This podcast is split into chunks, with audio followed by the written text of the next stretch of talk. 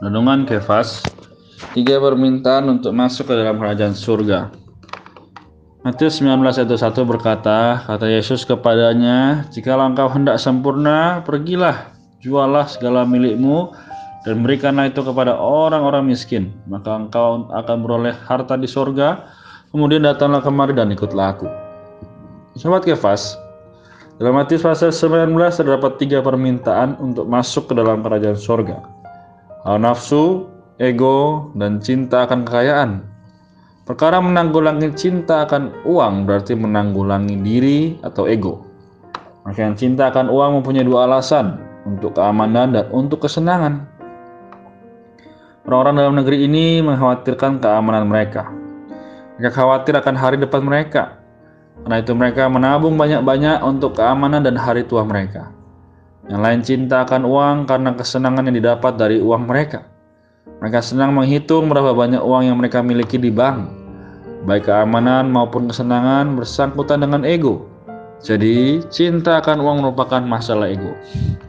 Menanggulangi cinta akan uang berarti menanggulangi ego, sekalipun ego ditanggulangi secara tidak langsung. Apakah kita mampu mencabut akar cinta uang dari hati kita? Berdasarkan hayat insani kita, mustahil. Tetapi berdasarkan hayat ilahi dengan anugerah ilahi, kita dapat memenuhi permintaan kerajaan.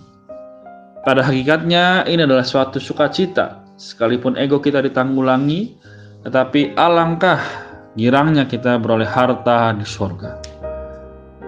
Perkataan tegas dari Tuhan mengenai permintaan kerajaan seharusnya tidak hanya menjadi doktrin bagi kita.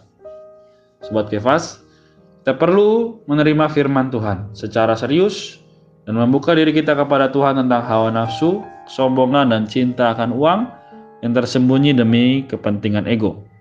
Kiranya Tuhan membelas kasihani kita dengan memberi kita penanggulangan yang mutlak terhadap perkara-perkara ini bagi kerajaan sorga.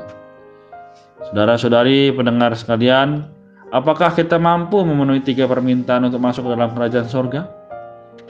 Bagaimana kita dapat memenuhi ketiga permintaan itu? Perlu menjadi renungan bagi kita.